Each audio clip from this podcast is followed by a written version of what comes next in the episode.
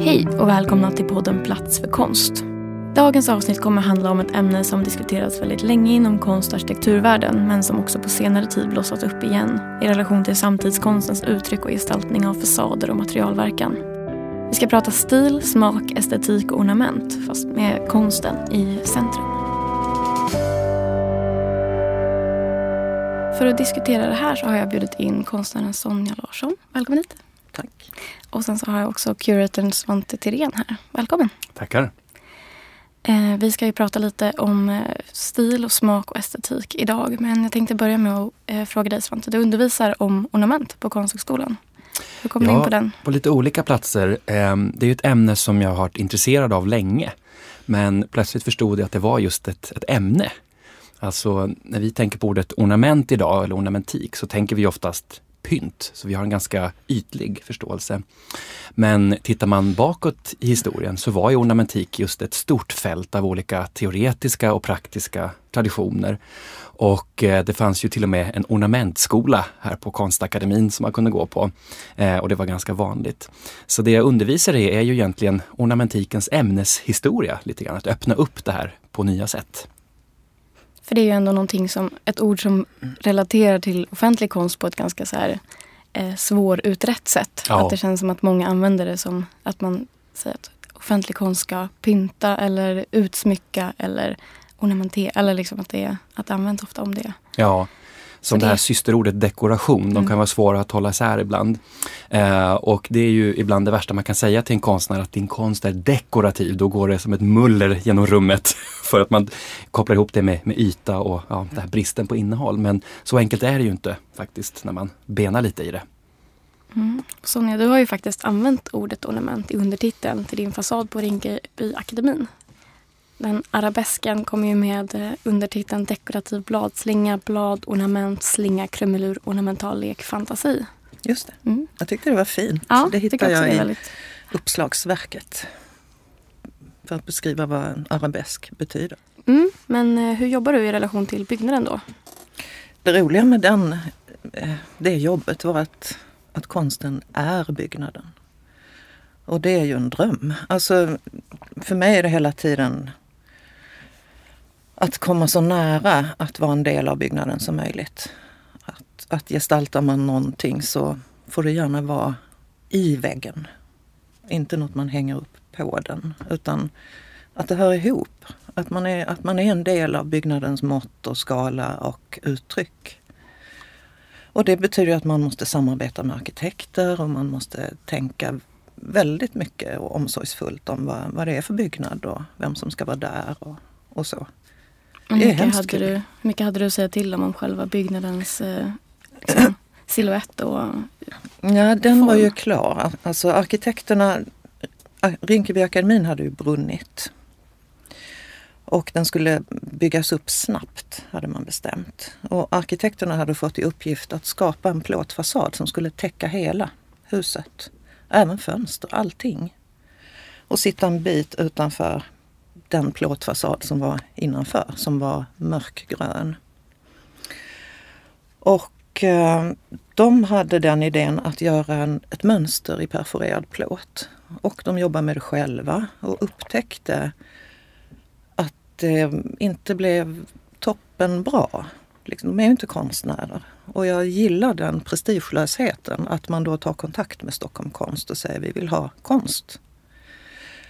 Um, vi har en konstnär som hjälper oss att göra den här, det här mönstret som ska liksom kunna täcka byggnaden. Och då ringde de till mig och eh, Mårten Kastenfors sa att den måste vara, det får, det får vara vilken färg du vill, bara den är grön. Och då såg jag en grön framför mig omedelbart. Som var precis den som det sen blev. Um, och det, det är också väldigt intressant, alltså det, det är en väldigt rolig sak med att jobba med offentlig konst. Just de där begränsningarna. Gör vad du vill, bara det är grönt. Liksom. Alltså, det är en frihet med ett motstånd i. Och det, det är skönt för en konstnär. För att vi är oändligt fria i våra ateljéer. Vi kan göra precis vad, vad vi vill egentligen. Men att de ville ha en plåtfasad är också en, det är en, funktion, en skyddande funktion Ja, då ja den måste, det, det behövde ju vara en plåtfasad. Mm. Och jag tyckte det var jätteintressant att det är så ljusgenomsläppligt perforerad plåt. Man ser ju väldigt väl ut från insidan. Mm, det blir väldigt vackert också från insidan när Ja. man ser mönstret ut genom Ja. fönstren. Och så. Och där tror jag just den ljusgröna var jätteviktig. För att det blev som ett bladverk. Och sen handlar det om att hålla en viss... Och det är ju ofta det man handlar om. eh, Det det handlar om att man vill hitta en, em, en stämning, en, en känsla. Någonting som... em, Alltså människor ska må bra i de här miljöerna, det är ju nummer ett. Liksom. De, offentliga miljöer har man ju ofta inte valt att vara i ens. Utan det måste ju ha en positiv ton, tycker jag. För det mesta. Det finns ju en så spännande paradox i det här att ibland kan begränsningarna öka friheten, alltså att man Ja. har någonting att reagera mot och då går skapandeprocessen på ett annat sätt. Ja. Och um, en av de här traditionella eh, definitionerna av ornamentik som konstart, det finns ju många olika förstås, men den handlar ju om att ornamentiken är en, en ofri konstart. Alltså den sitter ju alltid på någonting, den finns i relation till någonting annat. Eh, och det som händer då är ju inte nödvändigtvis att den blir begränsad, men däremot att den tillför, som, som du nämnde här, just stämning, den anger någonting, den är med att fylla eh, plats eller föremål med innehåll på olika sätt. Så det är intressant det där vad man tänker på, vad är begränsat eller inte? Ja. För det är ju mycket mer komplext när man väl synar de enskilda fallen, eller hur? Ja. Det är också en sån där grej som folk brukar framhålla som en skillnad mellan konsten och arkitekturen, alltså i funktion. Att din Mm. fasad faktiskt har en både en skyddande funktion men också en liksom ljuspräglande funktion Mm. och en, liksom, eh, en väldigt gestaltande både för exteriören och interiören. Och det är ju verkligen eh, ganska långt ifrån pynt. Alltså att vara Ja. så pass präglande. Varifrån kom inspirationen till det? Eh, någon gång tidigt så fick jag kontakt med den här insikten eller någon sa någon gång att det finns inga nya mönster. Det är omöjligt att göra ett nytt mönster. Allt är redan gjort. Detta går inte. På något sätt är det redan gjort. Och det kan man väl tänka sig. Men då tänkte ju jag att Eh, det blir ju en bra utmaning. Det ska jag göra. Och det får ta hur lång tid det vill. Och då tänkte jag, ska jag göra något nytt då måste jag ha nya, jag måste ha egna utgångspunkter. För annars blir det bara samma. Och absolut undvika just Alhambra. Absolut undvika ett eh, system där saker inte kan bli bättre. För där kan man verkligen se att det är så utvecklat. Det går, det går inte att gå in i den världen utan att hamna i en återvändsgränd. Och det blir, inget, det blir nog inget nytt där. För de har varit så duktiga under så många hundra år med det där. Så jag försökte hitta nya, nya utgångspunkter. Och det tog några år. Och sen hittade jag ett system där jag satte punkter på, på ett visst sätt på ett papper. Som utvecklade sig till att det visade sig vara femhörningar och det visade sig kunna bli tesselerade femhörningar. Vilket jag sen har förstått inte är så lätt att göra. Det är, det är en sport att göra tesselerade femhörningar. Men, men jag fick dem av de här punkterna. Så jag lekte i det här mönstret och hittade liksom saker, samband, hittade sätt att vandra mellan de här punkterna enligt stränga regler som jag uppfann själv. För att man får nog vara lite sträng om man ska hitta på något nytt. Man måste göra det, något konstigt. Om det inte ska vara mainstream liksom. Så det var väl rätt konstigt ett tag. Det tog lång tid. Men eh, de här, det här mönstret som jag fick fram um, till det här, den här byggnaden. Det hade nog tagit tio år att, att hitta på det där sättet. Men då hade jag också, då, och man, det roliga är ju, apropå vad skönhet är och matematik som man ju hamnar i när man jobbar med sånt här. Så säger ju matematiker alltid att ja, man känner igen det när det är på väg att bli rätt. Därför att det finns en viss typ av skönhet som man bara, man bara känner när den är där. Och då vet man att, att matematiken är intressant. Och eh, det där har jag känt också, att ibland blir det helt enkelt intressant. Och då vet jag att det, att det har hänt något. Jag kan inte tyda det som matematik. Det får någon annan göra. Men för mig är det ett visuellt sätt att göra matematik. Men jag, jag visste på något sätt att det där mönstret har faktiskt ingen gjort. Så att um, jag, jag gjorde ett par målningar med samma struktur och sen när Morten ringde och sa har du något? Du har tre veckor på dig. Det är också en absurd tidsram. Då eh, kunde jag ta fram det där. Och det tog ju minst tre veckor att anpassa det till byggnaden och till att det skulle vara perforerad plåt och sådär. Men det gick. Men eh, han tror nog fortfarande att jag gjorde mönstret på tre veckor. Men så var det inte. Ehm. Um, Man kände det då att eftersom när du migrerade mönstret från ett medium till ett annat kände du att det blev att det utvecklades då eller att det blev att det hittade ett annat hem? Uh, ja men det var, det var otroligt utvecklande. Just att det var gjort um, på något annat sätt än med mina egna händer. Det var första gången någon annan fick göra det och det var himla kul alltså. Att um, en plåtfirma får jobba med det här. Hur var det att översätta det i praktiken då? Så från idéskiss och, och mönster till den faktiska plåten, det faktiska materialet? Var det svårt? Nej, det, men vi hade nog tur med måtten. Att det gick att liksom få in kvadrater i de här måtten. För att det, fin- det är kvadrater i, eh, i um, mönstret. Eh, jag tror att alla mått är inte lika lätta. Men, eh, men det där gick till slut. Det är ju en process. Liksom. Och vi kämpade väl med vissa saker och sådär men det glömmer man ju i efterhand. Men jag väldigt... tror att, att jag kände igen det som något intressant är för att man också kan se det på flera olika sätt. Man hittar mönster i mönstret. Man kan följa linjerna på olika sätt. Och man kan hitta nya former. Och det där tänker jag, det där ser jag hos Matisse som är en absolut förebild för mig för att han är så otroligt formintelligent. Och han gör aldrig en form som bara är en form utan den säger alltid minst tre saker. Om man tittar efter. Han berättar om rörelse och djup och avstånd och vridningar och allt möjligt i en enda plattform. Liksom. Um, men, men just det där att det är mer än en sak. Och det, det vad jag skulle säga är att jag tror att det är intressant i offentliga gestaltningar. Därför att man ofta är fast med en, eh, en grej under lång tid. Man kanske jobbar på en plats och ser samma sak hela tiden. Om man då kan hitta något nytt efter att ha tittat på något i fem år så ser man, oj jag kan ju läsa det här på det här sättet också. Det kan jag tycka är en tillgång just Matisse dök upp faktiskt under min ornamentkurs här nyligen. Mm. Um, var en elev som var otroligt djupt påverkad av, av, av, Matisse och det förstår jag verkligen för det som du säger, det, de här formnivåerna han rör sig mellan, de är, mm. de är häpnadsväckande faktiskt.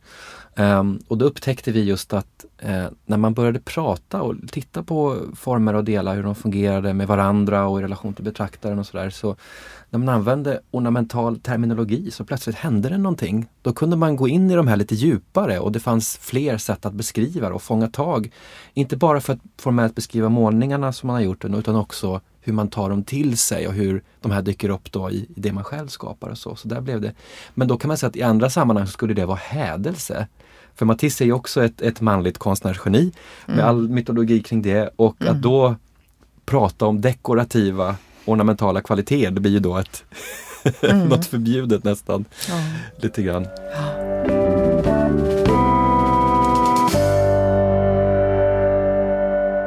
Svante, jag tänkte jag kanske kan spinna vidare lite på det här då. Hur tror du att eh, det här synen på ornament som folk kanske har idag, eller liksom utsmyckning, att det, när, när kom den eh, definitionen? Är det liksom i och med modernismen? Alltså totalt sett så kan man nog säga att vi lever i efterdyningarna av modernismens syn på ornamentik och dekoration. Eh, och det är ju det här med att se det som, återigen då, yta, alltså någonting som står i motsats till innehåll. Eh, pynt i den här negativa betydelsen, att det är någonting som man lägger på utan någon vidare tanke. Men den eh, förmodernistiska förståelsen av ornamentik, den är ju nästan tvärtom. Alltså där är ju ornamentiken inte pålagd utan den är ju integrerad. Den är en avslutande del, någon som gör att en byggnad eller ett föremål blir fullständigt eller fulländat.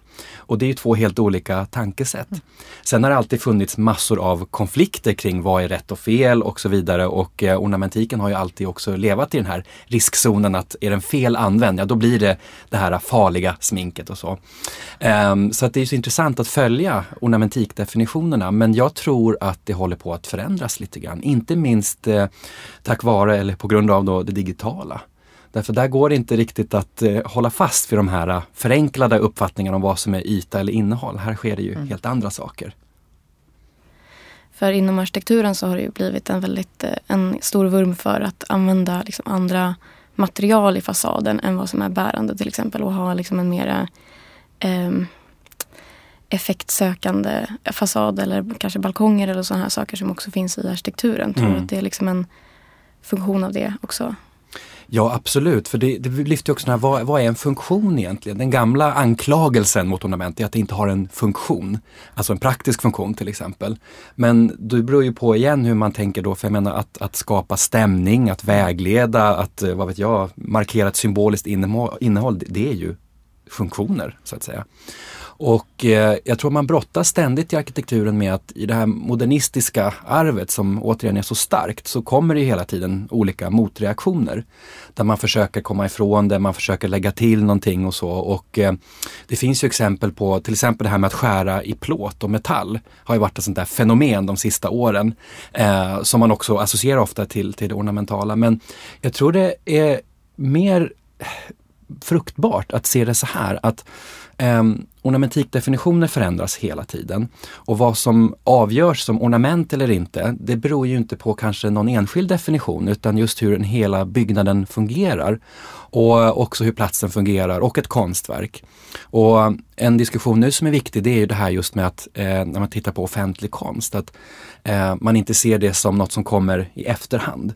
Utan att eh, det finns nu en tanke kring det här att man, man börjar mycket tidigare i byggprocessen. Så att istället för att man gör klart en plats som byggnad så ringer man konstnären efteråt. Så gör man tvärtom, man har kontakt redan från början. Det har också Statens konstråd till exempel eh, lanserat nu som ett, slags tankesätt. Så att, eh, det tror jag är väldigt bra.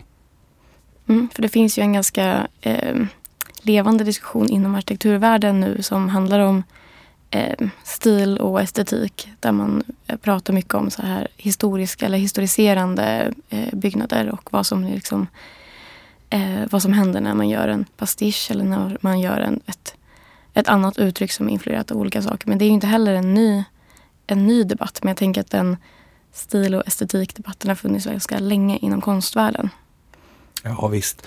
Och det är som, för nu har vi det här kriget man ska säga, mellan arkitektupproret och andra och så.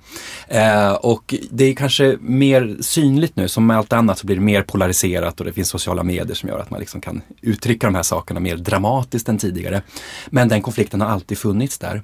Eh, det svåra är ju att man på alla sidor har väldigt förenklade definitioner av, av vad är en pastisch till exempel och varför är pastischen farlig? Det som är mm, ett hinder eller en liksom väldigt svår sak i det här, det är att i alla andra konstarter som mode eller musik eller så, där är ju eklekticism och pastisch, att man lånar och blandar, det är inget problem. Alltså man blir inte anklagad per automatik då för att vara osjälvständig eller att man stjäl. Men i arkitekturen så har man som en del av det här modernistiska arvet en mycket, mycket sträng och hård uppfattning om att minsta lilla formlån från det gamla, ja då är man ute på halis. Mm. Men i själva verket så är den modernistiska, eller de, de variationer av modernistiska uttryck, de är ju redan historiserande. Alltså modernismen har ju varit här i hundra år. Så att jag skulle, det här kommer man få mycket skäll för, men eh, det är ju inte så att om man bygger en, vad vet jag, en nygotisk byggnad idag, att den är mer eller mindre historiserande än en avskalad minimalistisk byggnad. Per automatik, allt beror på hur man gör det, inte att man gör det. Så att där tror jag att vi har ett stort, eh, en stor utmaning i de här diskussionerna. Alltså, vad, vad kommer vi ifrån för förståelsehorisont, eller man ska säga? Mm. Ja, men Sonja, för din konst är ju också väldigt, eh, alltså, den, pratas ju om väldigt mycket som att det har en väldigt så, tydlig estetik och att det är väldigt mm. man ser att det är ett Sonja Larsson-verk för att det har en sån, eh, liksom ett sånt uttryck.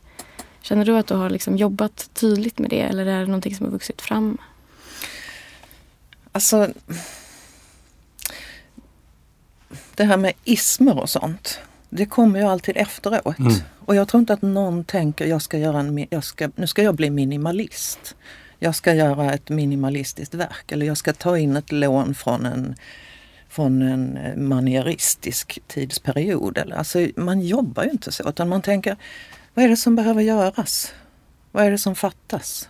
Vad är det, vad är det som inte behövs i den här målningen? Alltså det som inte behövs måste ju bort. Alltså det som skadar uttrycket, det som är för mycket måste ju bort. För att det blir starkare då. Åtminstone är det min erfarenhet. Och jag tänker att i, i egentligen alla genrer så är det en ganska intressant sak att prova. Vad man än håller på med. Att är det något som är där utan att behöva vara där så prova att ta bort det och se om uttrycket blir starkare. Det gäller egentligen allting. Och man kan också lägga till saker. Det är nästan, alltså det, det är nästan samma sak. Hur mycket kan jag lägga in liksom? Det, det där ser man ju provat i musik och teater och allting. Men, men jag tror aldrig att någon i de lägena tänker att nu ska jag gå in i den här ismen. Inte och, nu, men jag och tänker... bekänna mig till detta manifest. Liksom. Fast under 1900-talet så var det ju ändå, jo. för då var ju futuristerna, dadaisterna, de skapade liksom jo, de, grupper och manifest. De, de liksom. gjorde manifest, det gjorde de faktiskt. Och jag men, tänker, men, det finns ju inte idag. Nej, alls. nej, just det. Det är väl dogmafilmerna i så fall som mm, är, det ja, jag minns av manifest. som också tjänade samma syfte tror jag, att skapa sitt eget motstånd, att sätta upp regler för att på så sätt få energi att göra någonting nytt. Människor strävar efter att hitta form för det de har inom sig. Hitta den bästa, starkaste formen. Och ju mer komplicerat det man har inom sig är desto mer måste man jobba med formen för att det ska bli bra, tror jag. Men vad får du för respons på när du, om du undervisar om monument och den här historien? Vad, vad brukar folk, eller vad brukar dina studenter reagera på? Eh, alltså ofta är det som att öppna en, en dammlucka faktiskt. Därför att ornamentikfrågan den är så enormt stor och den är så obearbetad kan man säga. Ehm, så att när jag har de här eh, introduktionsföreläsningarna när jag berättar om ornamentikens historia och de här begreppen, det är en hel familj av begrepp, alltså utsmyckning, ornament, dekoration och så vidare. Ehm, men just att de synliggör ju hierarkier, de synliggör ofta attityder som vi inte själva är medvetna om att vi bär på. Alltså till exempel att det här med att den vita odekorerade ytan, den skulle vara mer neutral, mer universell än någonting som är ornamenterat till exempel. Det är ju verkligen någonting man behöver ifrågasätta. Um, men det jag gör, det är inte så att jag förespråkar maximalism eller minimalism. Alltså det är inte ett krig mellan två mm. olika riktningar eller så utan det som är så fantastiskt är att ornamentikfrågan väcker en större rikedom på sätt att tänka, sätt att arbeta och att upptäcka vad är det som händer i min kreativa process och det är ju superkul. Ja. Um, och också det är ju mycket historiskt det jag berättar om men det synliggör ju nuet och det är det som är, mm. tror jag, så fascinerande för mig. Så när du, eller du forskar om det här också, eller är det?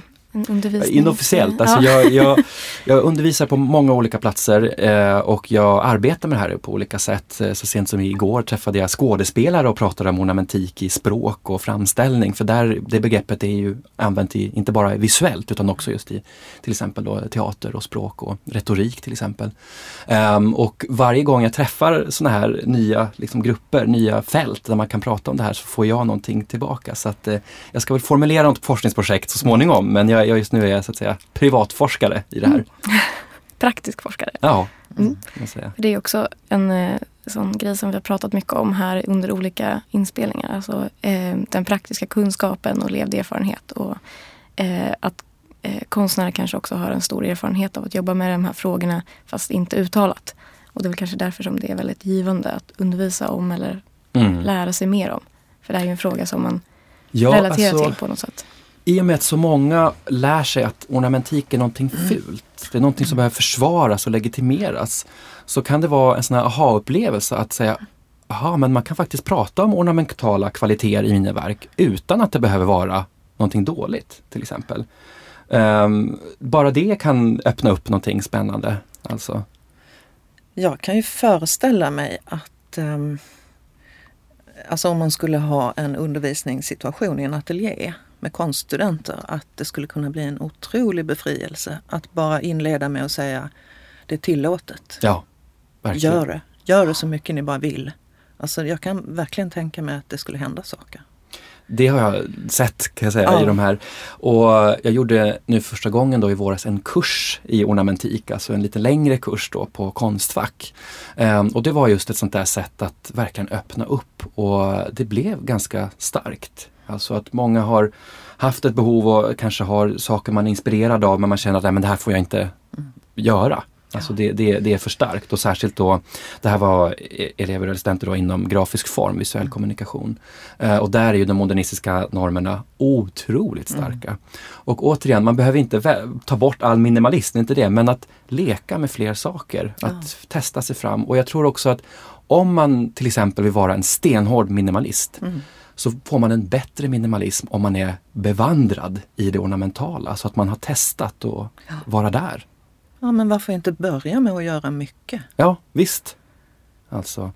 Och det går ju tillbaka också, jag tänkte på det du pratade om förut också Sonja, alltså en urgammal klassisk definition av, av skönhet. Det är den här att eh, uttrycket är perfekt när man varken kan lägga till eller dra ifrån utan att balansen blir förstörd. Ja. Men för att kunna komma dit måste man ju få jobba på väldigt många olika sätt. Och lägga till och dra ifrån Ja. och fram och tillbaka. Så att hindrar man det, stoppar man det och säger nej ni får inte ens gå in på det här området. Mm. Då, då stryper man ju processen halvvägs på något sätt. Och det är ju inget vidare.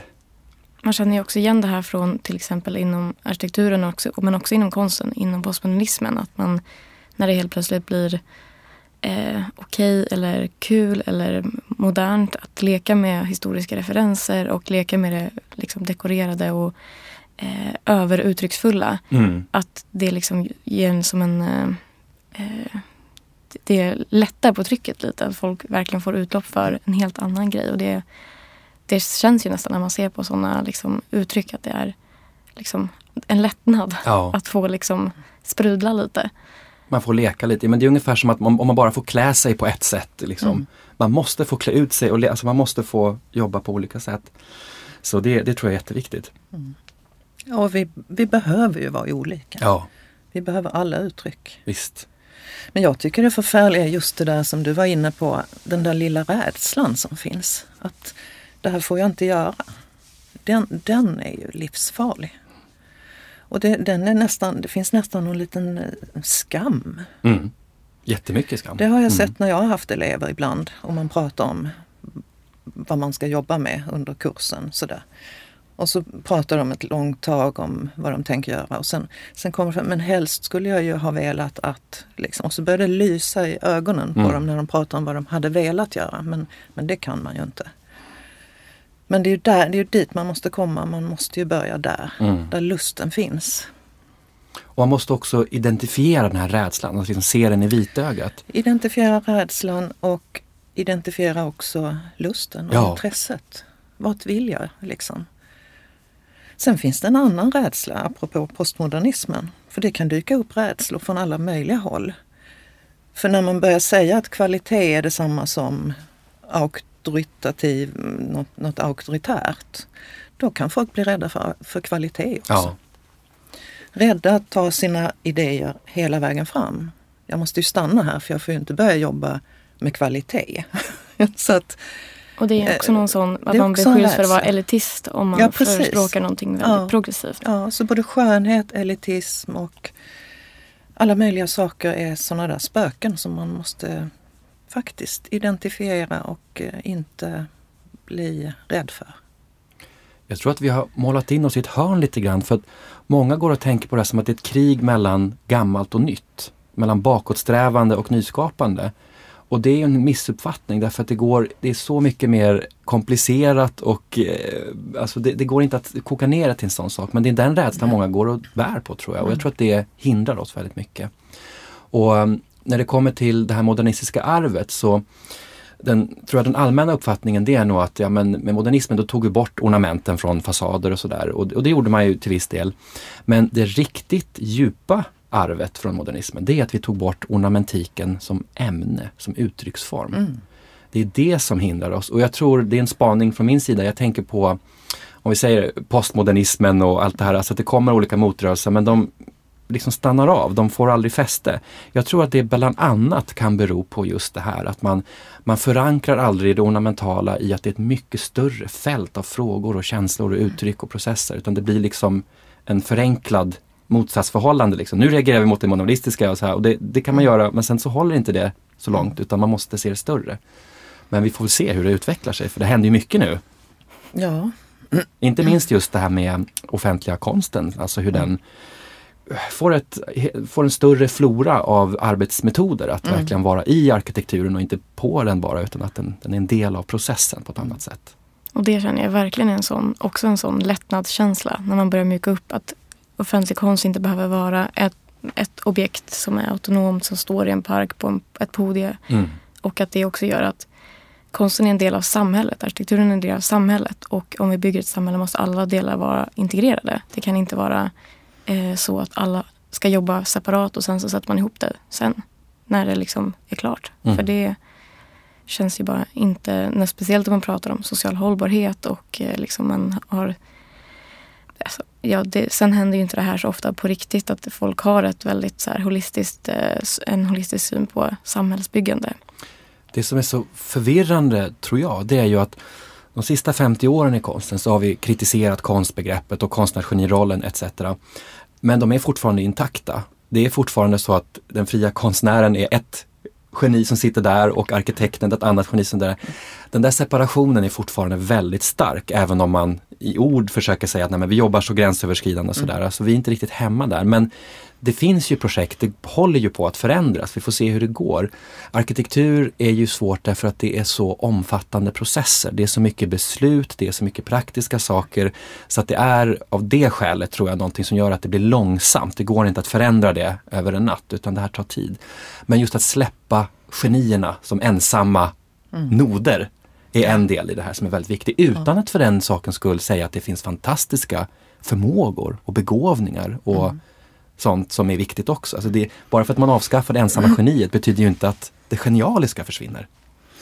Nej, jag, jag stötte på ett yttrande av Gertrude Stein som handlade om, jag kommer inte ihåg exakt hur hon sa det, men hon sa att konstnärer vet inte mer än andra om, om allting. Men de är besatta av att hitta en form för det de är intresserade av.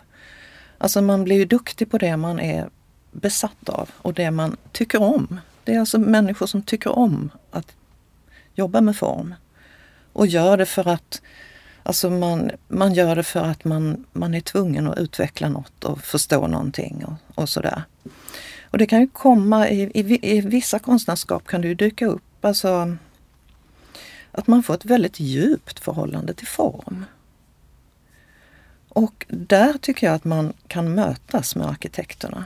Att de, jag har själv erfarenhet av det. Alltså, jag har liksom ett projekt nu där jag jobbat med kurvor. Och det, det är kurvor som jag liksom har hittat i ett system som jag har jobbat med i 10-15 år. Och de intresserar mig djupt. Och jag liksom tycker att verkligen att de kan ta hand om en yta på ett visst sätt.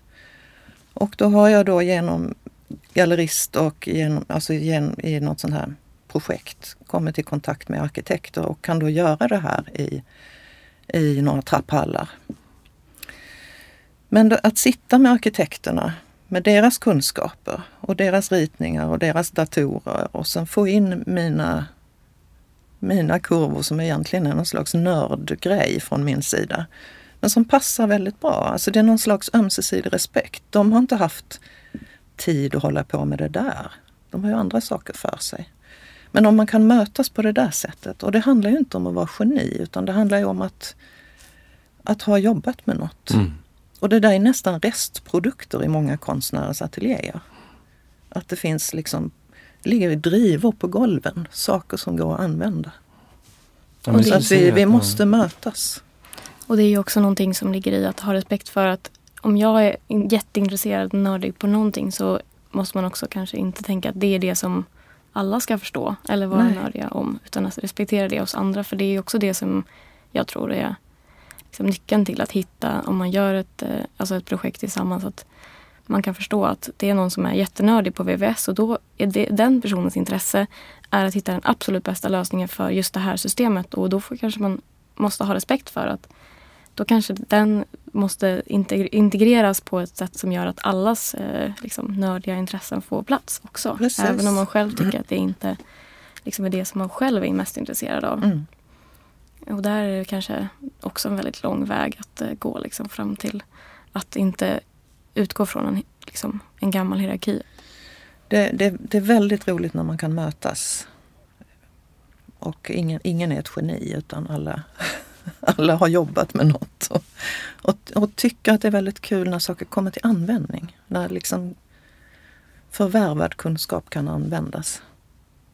Det är svårt det här med genitanken, alltså att för igen, det handlar ju om rädsla. Alltså, mm. alltså den här väldigt personfokuserade geniuppfattningen. Då blir det ju då ett hot om man släpper in någon annan och sådär. Men det handlar ju precis som du säger om att mötas i kreativa processer och se till hur kunskap, hur eh, kreativa uttryck kan dra nytta av varandra. Och det kan ju vara arkitekter och konst, det kan vara så otroligt många olika typer av, av kompetens som möts.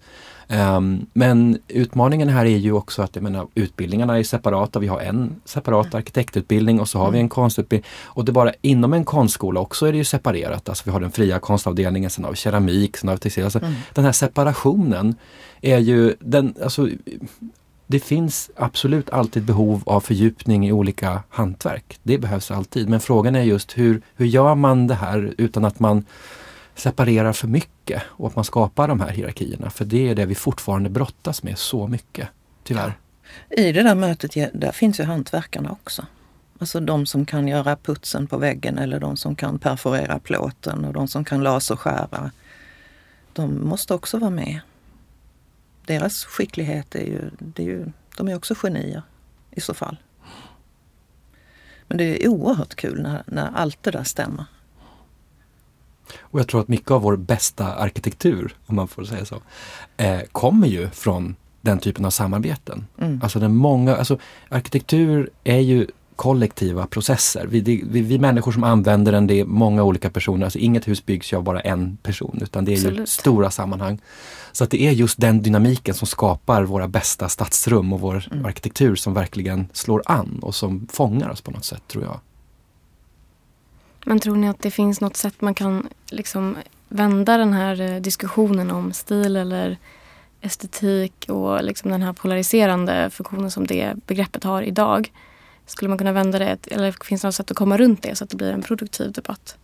Ja, Eh, ett av de största hoten tror jag inom arkitekturvärlden det är bristen på humor. Den tar sig själv på sig, ja, det är så med många sfärer också, konstvärlden också i och för sig, men just det här alltså att eh, bristen på dynamik, bristen på mångfald, det arkitektoniska uttrycket hindras bland annat av att det finns inget utrymme att få skoja och vara ironisk och oseriös. Man måste ha med det också på något sätt. Det är ju lättare att göra i, i konsten på något sätt, därför där har man utrymme för det. Um, men en annan sak är just det här som stil, detta utskällda ord igen som är så mm. svårt och polariserande.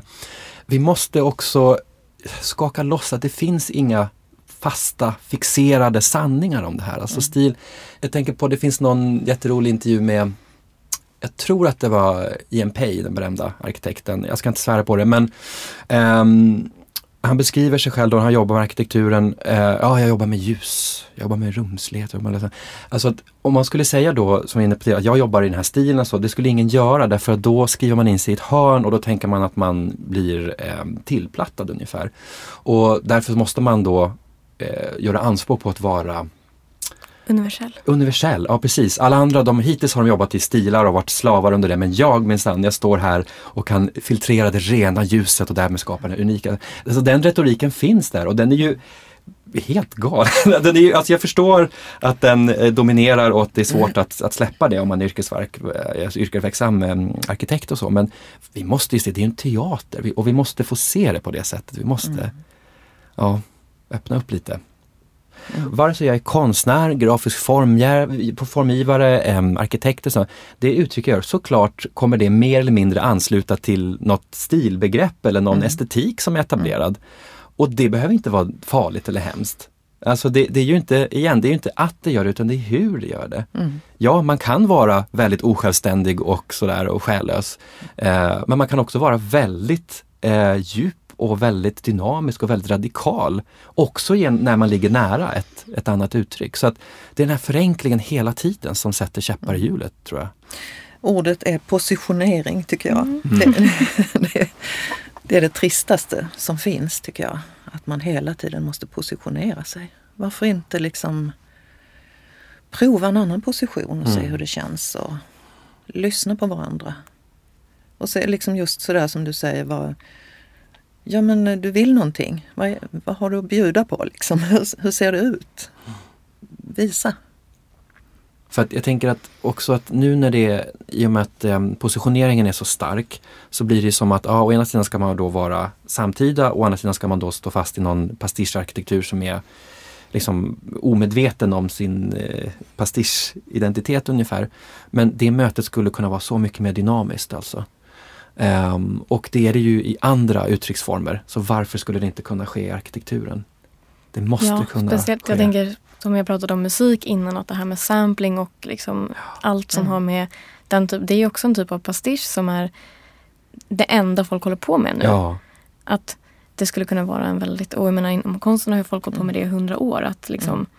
plocka upp uttryck och modifiera och applicera. Och liksom Men grejen är det här att man jobbar med det. För jag menar när, när man började sampla musik, det kom ju en helt ny musik ur det. Mm. Det var så nytt så att jag tror inte vi har fattat hur mycket som hände då. Och det kom ur att man tog någonting som redan fanns. Mm. Så jag tror det handlar om att, att um, kanske ställa andra frågor. Vad i det gamla vill jag ha ja. i min nya byggnad? Vad är det för kvaliteter jag så himla gärna vill jobba vidare med? Och då kanske det kommer, alltså då, då lämnar man någon slags öppning till att det kanske utvecklar sig till något mm. som är nyare än de som tror att de förespråkar det nya. Eh, därför att de förespråkar det nya som de är vana vid, att det alltid har sett ut. Så att då kanske det är de här pastischmänniskorna som blir det nya nya. Ja, precis. Man vet inte. Men det gäller att ställa frågan på rätt sätt. För så är det ju och, och kanske undvika etiketterna. Ja. Och säga istället, de här kvaliteterna, de har vi glömt bort. De fanns då. Jag vill ta upp dem. Jag vill jobba med dem. Hur skulle det bli nu?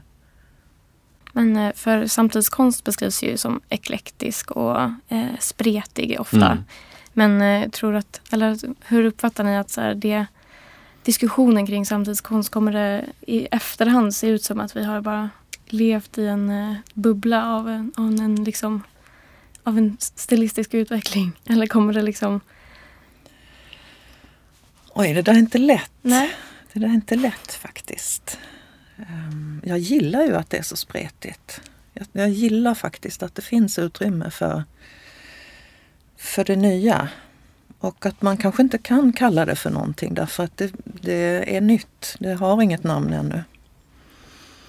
Och det kanske, är, det kanske bara är så att man tänker jag ska göra något som är väldigt, väldigt ljust. Mm. Och sen får man se vad det blir för stil. Mm. Man får se vad det blir för form. Man har, det, det, det är som ett, ett moln av en idé mm. och sen får den en form och sen kan man se vad det liknade eller vad det inte liknade. Så att det kan ju gå den vägen också. För jag tänker att det är som ett så kontrollbehov på något sätt att skapa, alltså som under liksom tidigt 1900-tal. Man skapar en ism och så har man en konstnärsgrupp som jobbar inom det och så har man en, det är liksom på något sätt att skriva in sig i konsthistorien. Ja. På ett, liksom kontrollera på det. Men det är det som känns också läskigt med att eh, man inte vet var någonting hamnar. Eller att man liksom ja. eh, bryter ny mark i, i ovisshet. Att det är väldigt, ja. Eh, men det är att, alltså, att vara konstnär är ett väldigt ensamt jobb. Det är det verkligen. Och man, måste nästa, man nästan måste gå emot sin samtid åtminstone några gånger under en livstid. Jag menar måleriet har varit dött två gånger som jag kommer ihåg Eh, medan jag har varit med. Och då får man ta ställning till vad man gör. Liksom. Då, sista gången så tyckte jag att ja, men då är jag ju fri. Då kan jag ju göra vad jag vill.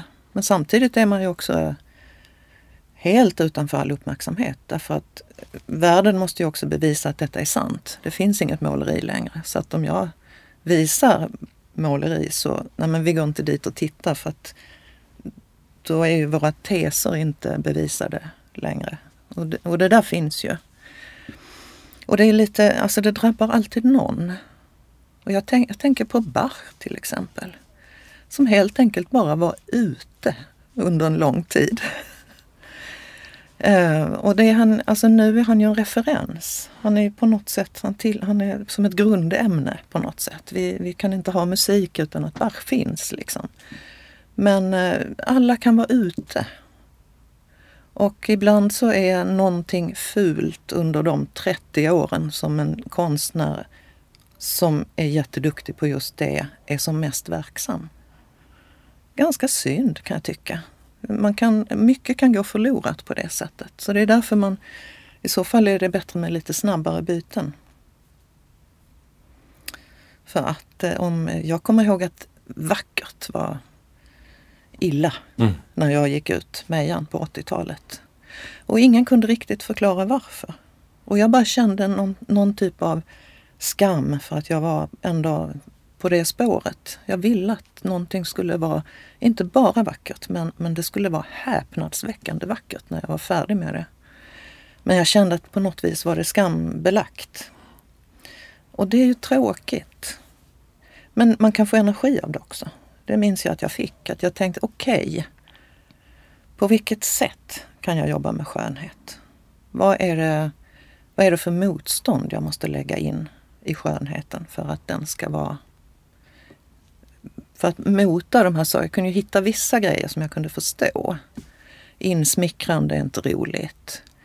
Uh, ja, typ. Alltså, och apropå ornament, när det är liksom lite meningslöst, det betyder ingenting för någon. Ingen har någonsin tyckt att det betyder något. Att det finns en slinga av någonting på den här grejen. Liksom.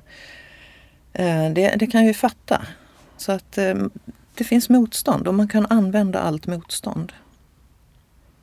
Men jag tycker det är kul för nu är det, nu är det väldigt mycket man kan göra samtidigt. Det är inte bara en sak i konsten. Det är ju en av de positiva sakerna tycker jag med att konstvärlden har vuxit så mycket i storlek. Alltså att nu finns det så mycket mässor och utställningar och, och liksom platser för samtidskonst. Då, då breddar man ju också eh, att det finns plats för mer, alltså fler uttryck, fler olika skolor, fler olika sätt att jobba på.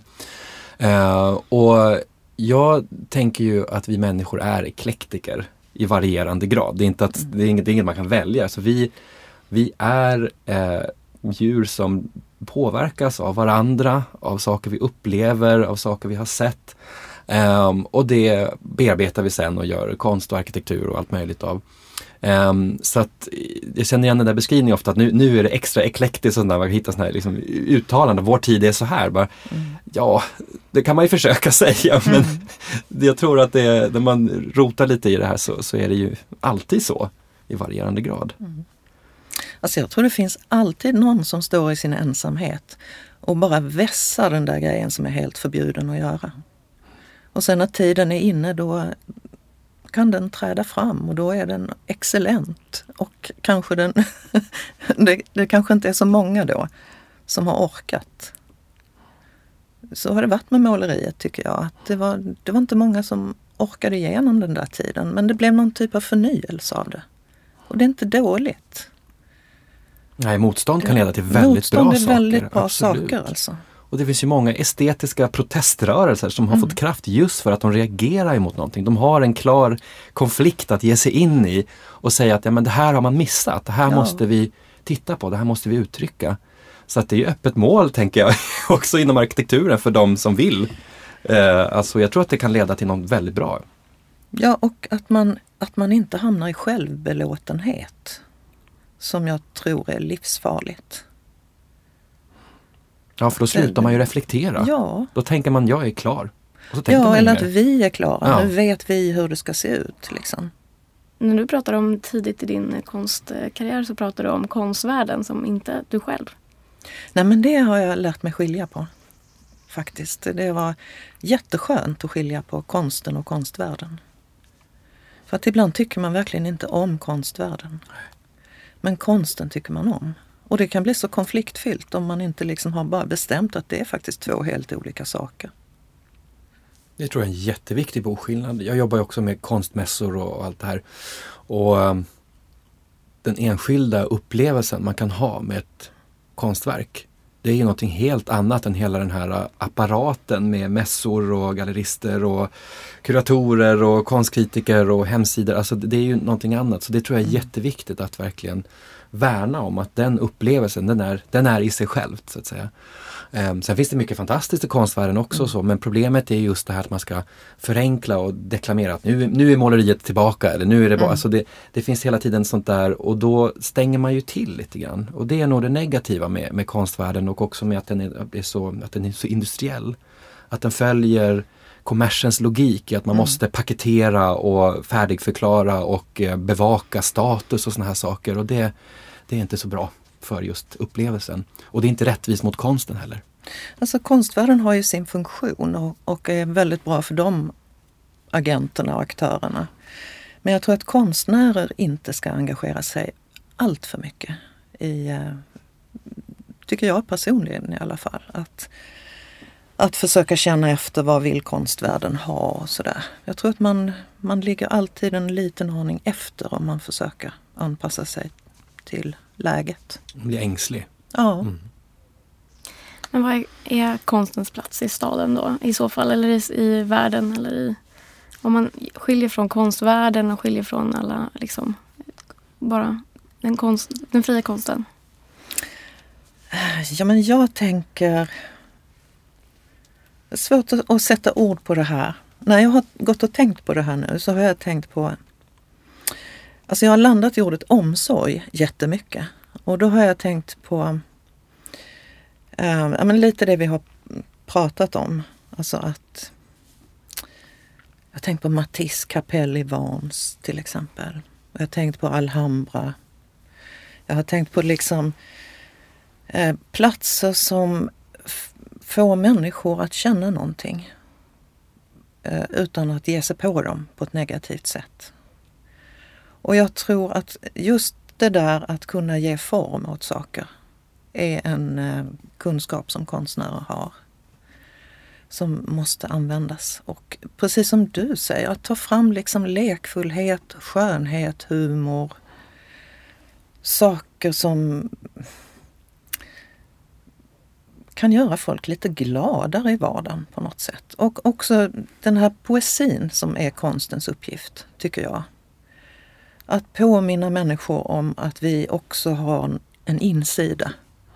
Att vi är poetiska varelser. Vi har, vi har mystik och poesi och irrationella sidor. Vi har liksom fantasi inom oss.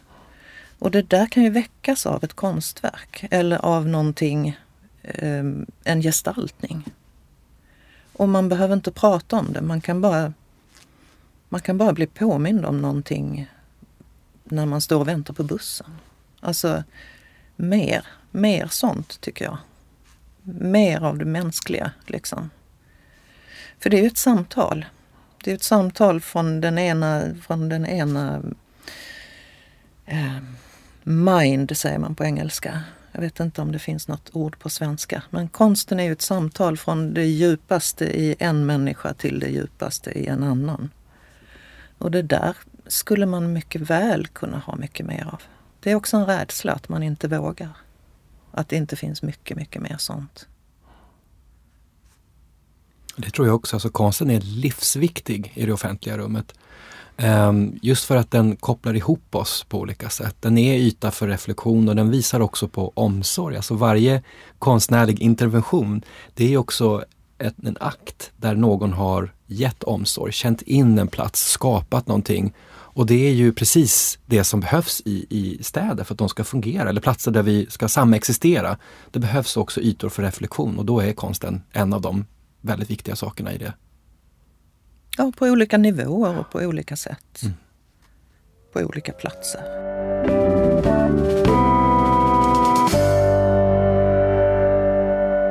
Det finns en rolig debatt som man skulle kunna ta upp idag som, som en historisk debatt, alltså på 1800-talet. Um, ehm, vid mitten och slutet av 1800-talet så blev ju dekorationsmåleriet i arkitekturen väldigt eh, påtagligt. Um, det finns ju alltid olika former men, men den tidens offentliga rum då i tågstationer och eh, ja, maktens byggnader och lärda institutioner och allt vad det var. Då fick måleriet en dominerande roll på något sätt för att skapa det här stämningsmättade ytlagret. Eh, och då fanns det en eh, diskussion som handlade om att man var i ett stadium där man behövde återförena konsterna. Alltså på 1700-talet så konsolideras ju den, så att säga, den fria konstnären, den, den yrkesrollen, den föreställningen. Eh, det är då som den föds ganska mycket, eller får åtminstone den, den formen som vi känner den idag ungefär. Eh, och kritiken då handlade om att eh, då blev det för separat, alltså att konstnären hamnar på ett ställe, arkitekten och hantverk, alltså det blev för mycket. Eh, så det här allkonstverket, det skulle man uppnå genom att återförena konsterna. Så att måleri och skulptur och arkitektur, de, de var systrar som nu skulle få träffas igen och så vidare. Det är en ganska fin mm. tanke ändå på något sätt att, uh, att titta på det här. Och det är nog kanske den inställningen man behöver ha då. Att så här, min, min mitt eget fält behöver sina systrar också för att kunna bli så bra som möjligt. Mm. Att det inte är något eh, man inte ska försöka hävda sig eller vara liksom eh, försvara sitt fält. Mm. Eh, för det är kanske det som, är, som gör att man lägger in mycket prestige och mycket ja. Men hur gick det då i debatten? Jo, det gick bra. Alltså det, här, alltså det, här, det blev verkligen så. Alltså, och det var ju en, en, reaktion kan man säga på ett tidigare skede där den här äh, nyklassicismens, alltså den här väldiga fokuset på en, en stilren eh, och ofta då eh, enkelfärgad, inte vitmålad bara men alltså en, en, en nyklassicism där man hade ett väldigt konservativt ideal, man skulle komma så nära det här antika templet som möjligt. Det blev ju också förtryckande därför det stängde ner så mycket. Alltså precis som modernismen så blev ju det också ett ideal som stängde till väldigt mycket. Och motreaktionen var just att man jobbade med många olika historiska stilar parallellt. Man inspirerades av man blandade och sen fick också färgen och dekorationen en viktig roll för att vara en länk emellan. Så att det ornamentala är just det här mötet mellan det konstruktiva. Och eh, på den tiden, 1800-talet, då var ju arkitekturen, det var viktigt för många av den tidens tänkare att försvara den som just en konstart. Att arkitekturen, precis som skulptur och måleri, var en konstart. Um, men om en byggnad då inte var ornamentalt eller dekorativt behandlad, då var den ju inte, då var det en konstruktion. Då var det en, en, en murhög. Mm. Men den var inte en del av konsten. Först när den hade fått en ornamental bearbetning så mm. trädde den in i den här högre mm. världen som konsten utgjorde. Sen kunde det vara väldigt, väldigt sparsmakad dekoration och så vidare mm. också. Det, behövde inte, var inte, det var inte the more the better. Men eh, just den tanken tycker jag är så intressant. Alltså den, den är, och det är inte så länge sedan ändå. Mm. Och det är det idealet som modernisterna reagerar emot också. Så att det hela tiden går ju de här vågorna ja. fram och tillbaka. Och det, känns ju, det finns ju fortfarande idag att man tänker att alltså en eh, industribyggnad eller ett, liksom ett, ett skjul eller vad, alltså sådana byggnader som byggs eh, bara eh, o, det finns ju byggnader och så finns det arkitektur. Ja, jag tänker vi sitter här och tittar ut på Münchenbryggeriet här i Stockholm. Mm. Som är en fantastisk byggnad. Det är en stor riddarborg i tegel med tinnar och torn och utsikt över Mälaren. Och det är ju ett bryggeri, det är en industribyggnad från början och väldigt kommersiell byggnad. Och idag så är det här ett poetiskt inslag i stadsbilden som vi går runt och drömmer om och vi är här och det är ju fantastiskt alltså. Så att det skiftar ju över tid, alltså varje generation gör ju sina nya tolkningar. Och det rör på sig hela tiden och det som i en tid bara är eh, bara inom situationstecken då, eh, industribyggnad, någonting praktiskt, får ett enormt poetiskt värde i en annan tid, en annan kontext. Och där kan ju ibland det offentliga konsten, den kan ju mjuka upp, alltså den arkitekturen är ju ofta väldigt hård och påträngande. Alltså den styr ju hur vi rör på oss, hur vi mm. tänker. Alltså vi är så otroligt påverkade. Och där kan konsten göra precis det du beskriver. Den kan mjuka upp och göra att man får vara sig själv lite grann eller på något sätt. Ja. Röra sig i ett rum som är mindre styrt. Både att man får någonting där någon har brytt sig väldigt mycket och att man kanske bara tar till sig stämningen. Men sen ligger det ju mycket i det här också som du sa tidigare, någon sa att det finns inga nya mönster. Mm. Det finns en, en, viss poäng i det i betydelsen att eh, tittar man på vad vi människor har skapat över tid i olika delar av världen så finns det otroligt mycket likheter. Alltså till exempel växtornamentik och såna här saker. Det finns överallt i alla alltså det, det är snudd på allmänmänskligt skulle man kunna nästan säga. inte helt men, men mm. det är i alla fall påtalat att det finns på så många olika platser. Eh, ibland oberoende av varandra och så vidare. Um, men samtidigt så finns det ju trots det också rum för nyskapande. Alltså varje person som skapar någonting lägger ju också till. Det blir aldrig exakt en kopia. Um, och uh, väldigt mycket av den gamla ornamentteorin, eller de traditionerna som, som teoretiserade ornamentik och dekoration, de handlar ju om språk. Alltså att ornamentik är ett slags språk mm. som eh, man kan uttrycka sig på i så många olika nivåer, så många olika sätt. Alltså. Ibland uppfinner man helt nya språk, men ibland är det gamla språk som i, inom de ramarna kan man hitta någonting otroligt radikalt. Och Jag tycker man ska vara nyfiken. Ja men där, där och där, där har du poängen tycker jag. För att eh, problemet blir ju om man gör saker som man inte själv egentligen tror på. Man tar någonting ur en låda med gammal, gammal bråte liksom mm. och säger den här vill jag använda igen för det får jag. Det är klart att det inte blir så kul. Det måste betyda något för en. Mm. Man måste ju vilja någonting med det. Och det måste komma från Alla annan... måste vilja någonting med det de gör för då, då blir det bra på något sätt. Mm. Apropå det där med lust och, och att inte vara rädd. Jag tror problemet är när man inte vill någonting. När man gör som, det, som de man eh, litar på gör eller säger att man ska göra eller så. Mm, och det är väl det som också blir problem ofta när man gör, om man tänker på eh, sådana saker som händer när det är bostadskris till exempel. Att mm. man måste smacka upp jätte, jättemycket hus väldigt, väldigt fort och att man tar då som en copy-paste arkitektur i liksom eh, som gör att det inte finns ett stort intresse för platsen längre. Att det inte mm. finns en eh, liksom, hänsyn för eh, miljön eller för så. Att det eller liksom omgivningen. Eh, att eh, det intresset saknas. Kanske. Och det är väl det som mm. miljonprogrammet har fått kritik för och det är väl det som mycket nybyggd arkitektur får kritik för nu också från alla håll. Att det är själlöst eller liksom o, opersonligt och sådär.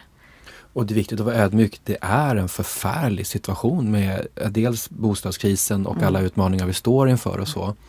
Men jag tror återigen, vi vinner aldrig på att stänga perspektiven. Till exempel om att eh, ja, ornamentik då, att, att det är dyrare att ha med ornamentik och mm. sånt där. Det är det ju inte idag.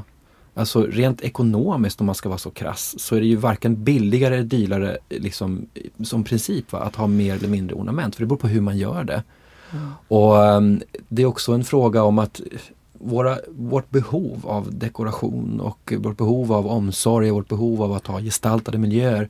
Det är ju inte separat från alla hårda praktiska behov. Um, så det gäller att även i en sån här tuff tid som vi verkligen har nu se att eh, vi, vi, är inte mer effektiva, vi är inte mer ekonomiska, vi är inte mer rationella bara för att vi ska kolla bort precis allting. Det är inte mer hållbart. Eh, utan man måste se det på fler olika sätt. Eh, det är svårt. Men jag tror inte det skulle kosta så mycket alltså, om man eh, hittade de här samarbetena. Nej. För jag menar ornamentik, vad är, vad är det nu? Hur, hur skulle vi definiera det nu? Mm. Vad, vad, kan man inte göra med bara olika blanka tegelpannor liksom, eller tegelstenar? Liksom, och vad, jag kan titta på fasader och tänka oj, där skulle jag vilja bara ha en, en sån form. Mm. Um, varför inte den där? Vad roligt det skulle vara. Vad glad jag skulle bli.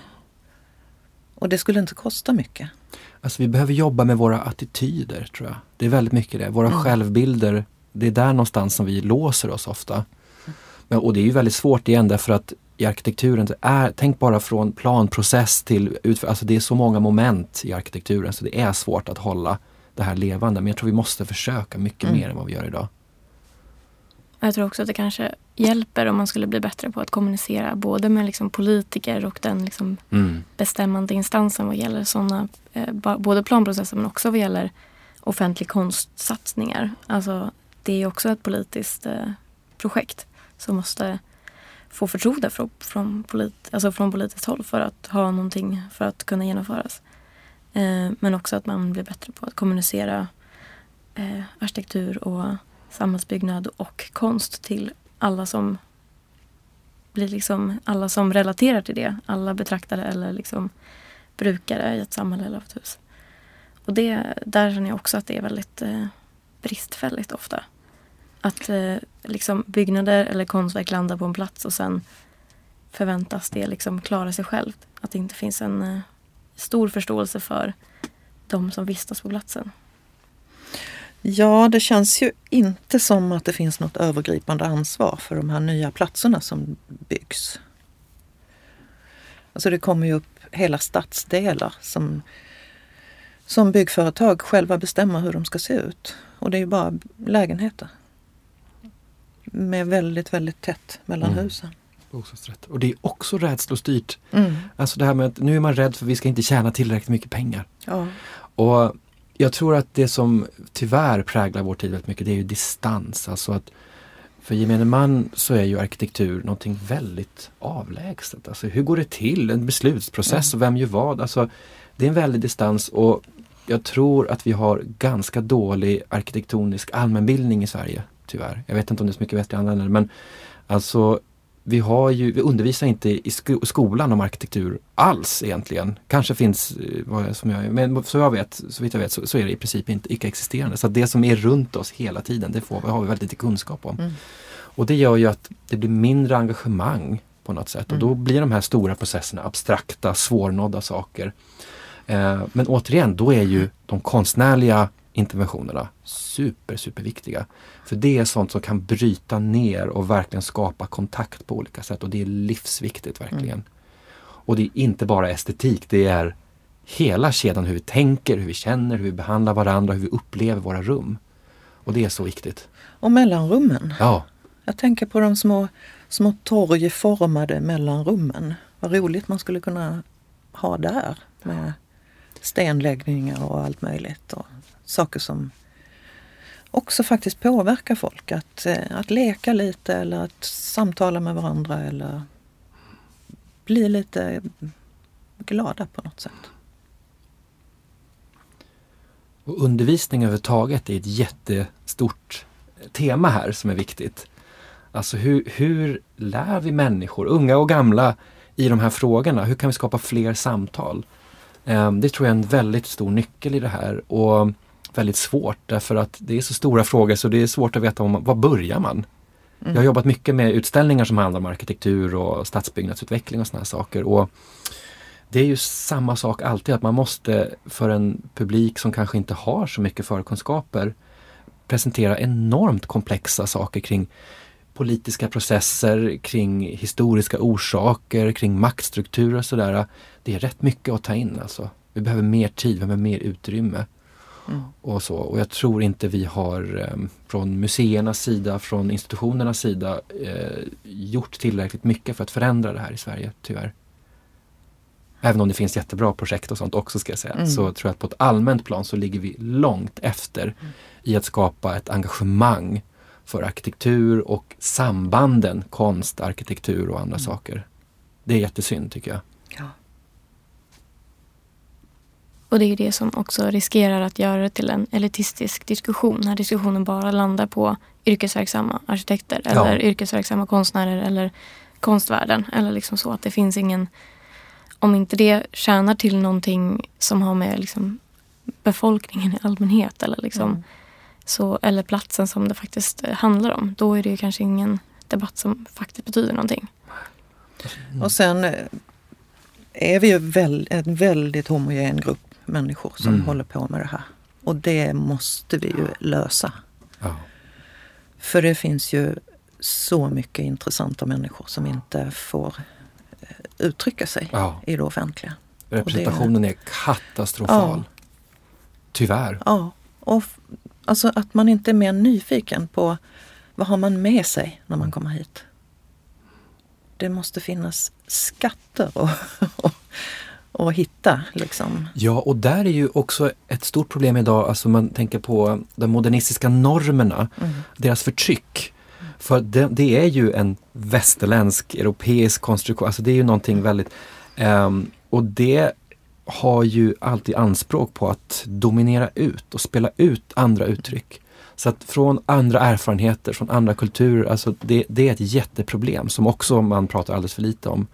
Eh, att arkitekturen den, den motverkar ibland väldigt aktivt mångfald. Mm. Den motverkar att det finns flera saker samtidigt och det är jättedumt. Det skapar distans. Mm. Och igen, det är inte bara ett estetik eller arkitekturproblem, det är ett mänskligt problem Mm. att det är på det sättet.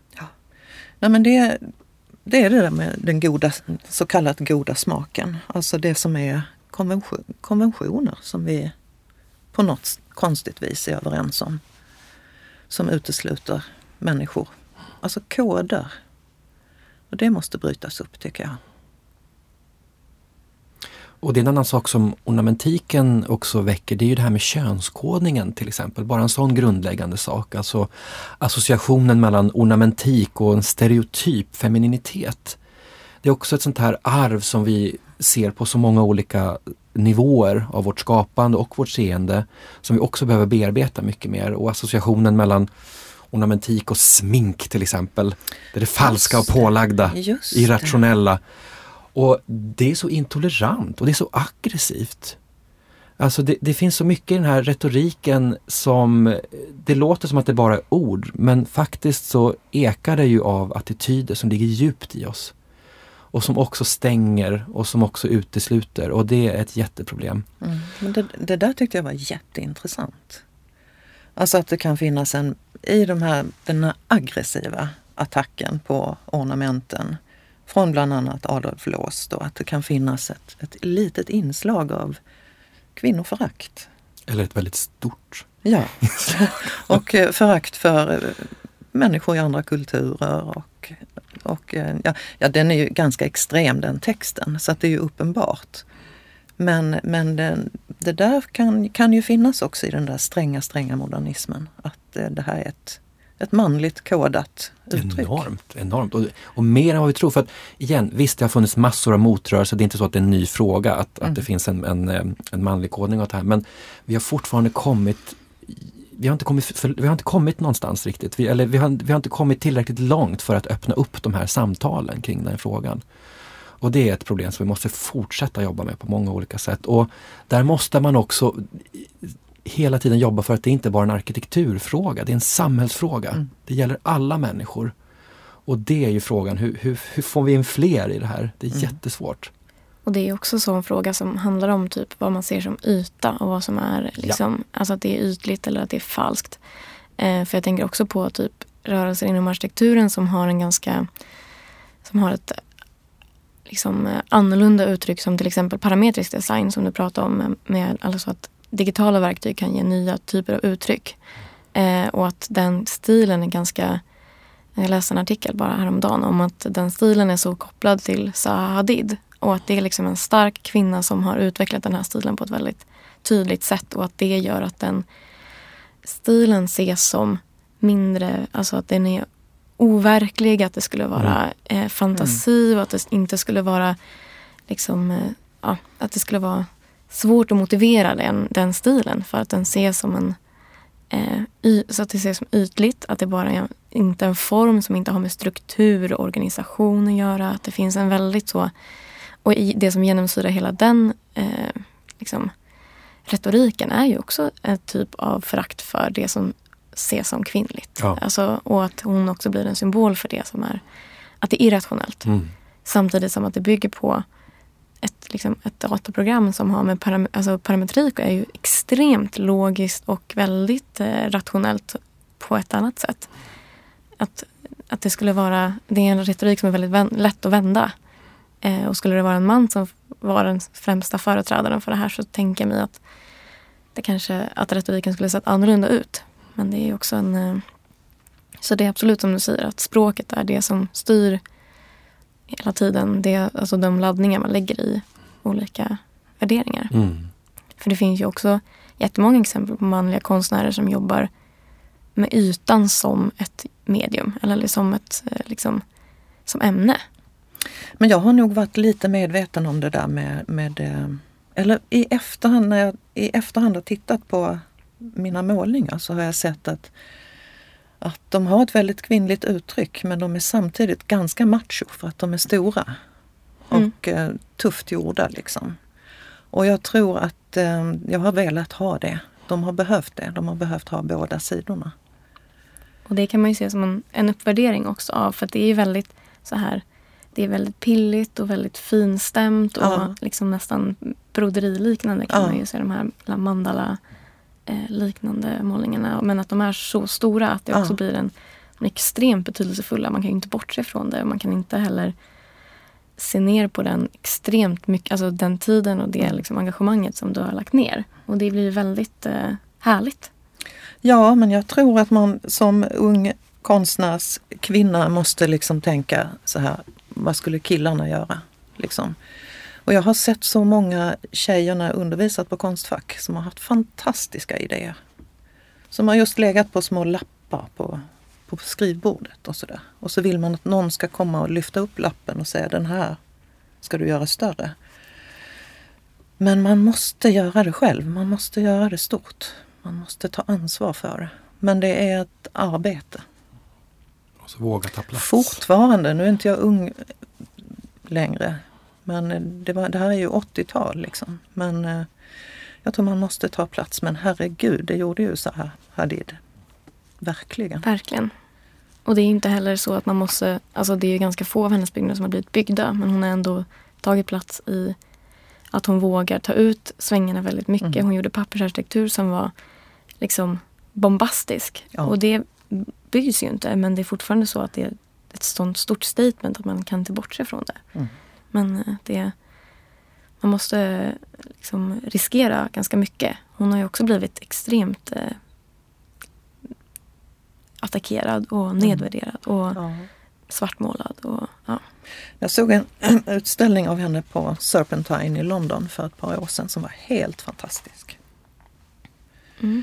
Så att hon, eh, hon finns nog nu, Mm. lite för sent. Men, Absolut, eh, men men ett fortfarande- otroligt rikt konstnärskap ju. Absolut. Och hon är en viktig påminnelse också. Jag tänker om jag tänker på den offentliga konstens roll i arkitekturen, överhuvudtaget ru- rum för konst i arkitektur.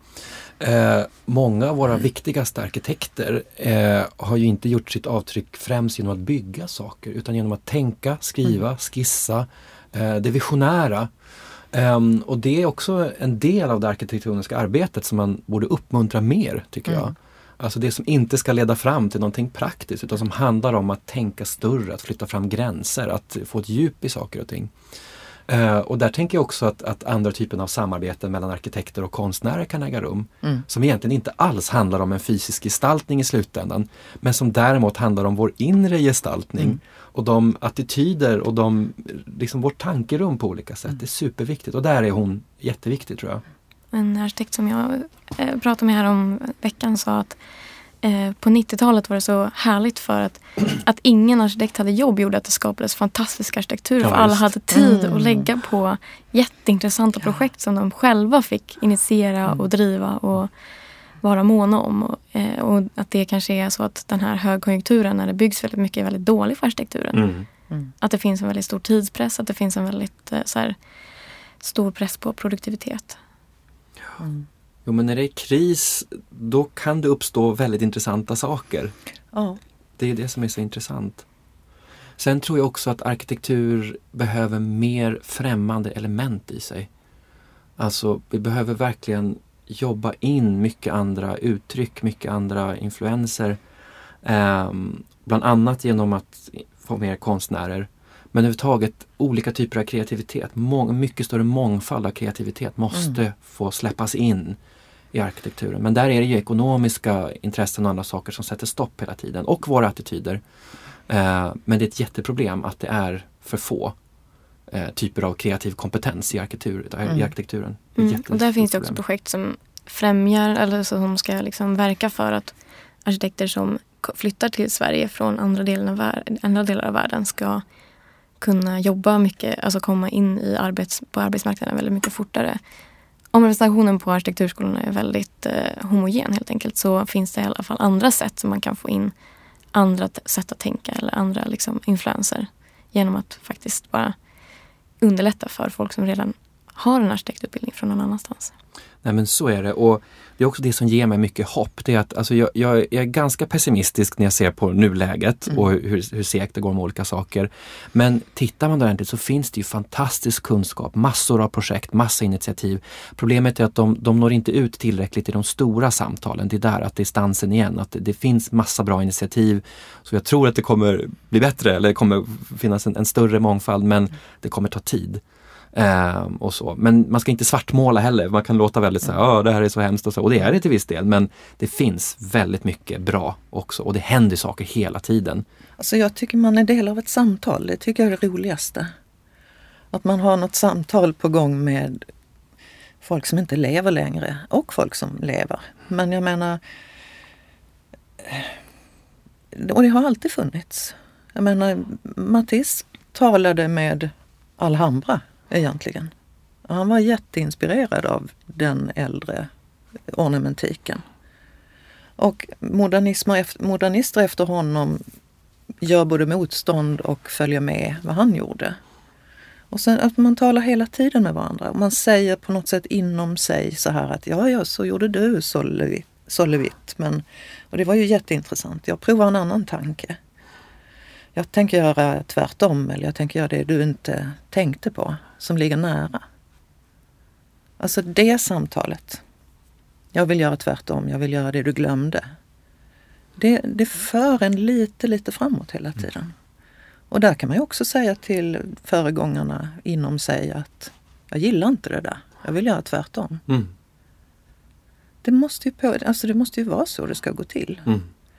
Och sen att man får leka lite. Um, det finns också en, en gåta i historien här som fascinerar mig jättemycket och som jag inte har något som helst eh, smart svar på. Och det är att ornamentiken som ämne eller som uttrycksform sådär, den försvinner ju då början 1900-talet. Eller tas, ja, den fortsätter i olika former men man fråntar ju man, skepsisen, alltså det negativa avfärdandet av ornamentiken, det kommer ju då. Samtidigt så slår den abstrakta konsten igenom. Och jag tror att det finns fler samband där än vad vi kanske förstår idag. Alltså ornamentet skälls ut för att nej, men det har ingen funktion och det är bara form och det är bara ditten och datten och det talar för direkt till och sådär. Samtidigt så blir den abstrakta konsten en superviktig del i vår kultur och som en reflektionsyta och som någonting som uttrycker massor av olika saker. Och det, det måste, det kan ju inte vara en slump, eller vad, vad tror du mm. Sonja? Nej, det, tror jag, det, det är också jätteintressant. Det har jag inte tänkt på. Men det tror jag absolut. Och då tror jag att vi får avsluta med den retoriska frågan här. Tack så jättemycket Sonja och Svante för att ni har varit här idag och pratat om det här. Tack så mycket. Tack. Och podcasten Plats för konst är som vanligt tillbaka om en månad. Tack så mycket. Hej då.